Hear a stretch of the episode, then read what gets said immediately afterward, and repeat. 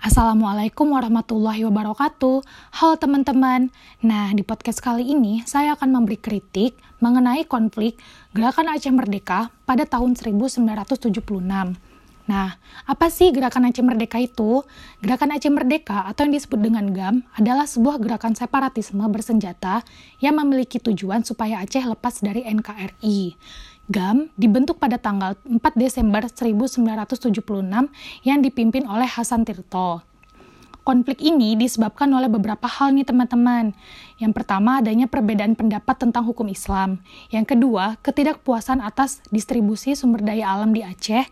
Dan yang terakhir, peningkatan orang Jawa di Aceh.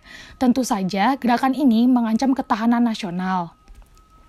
Nah, dalam konflik ini menewaskan hampir 15.000 jiwa. Nah, seharusnya teman-teman, dalam kasus ini pemerintah harus lebih cepat untuk menyelesaikan konflik agar tidak banyak korban jiwa yang jatuh dan mempertahankan provinsi Aceh. Pemerintah Indonesia harus memiliki sikap yang lebih tegas karena pemerintah Indonesia mempunyai kewenangan untuk mengatur sendiri keadaan negaranya. Akhirnya, pada tanggal 27 Februari 2005, pihak GAM dan pemerintah Indonesia memulai melakukan perundingan di Fanta, Finlandia. Setelah 25 hari perundingan, tim perunding berhasil mencapai kesepakatan damai dengan GAM. Poin penting dari perundingan tersebut ialah pemerintah Indonesia akan turut memfasilitasi pembentukan partai politik lokal di Aceh dan pemberian amnesti bagi anggota GAM.